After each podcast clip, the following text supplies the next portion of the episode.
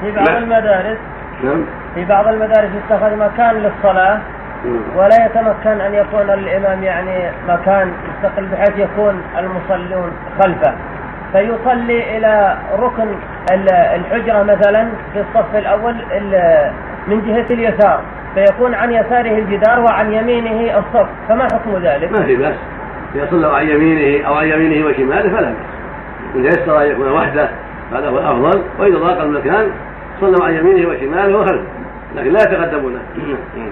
لا بس هو يصلي عن يمينه ما بس الجدار ما يخالف يمينه ولا ولا يساره لا ع- عن يساره الصف ال- عن يساره الجدار ولا ال- الصف يعني عن يمينه ما الصف في بأس الأول ما في بأس. لا حرج نعم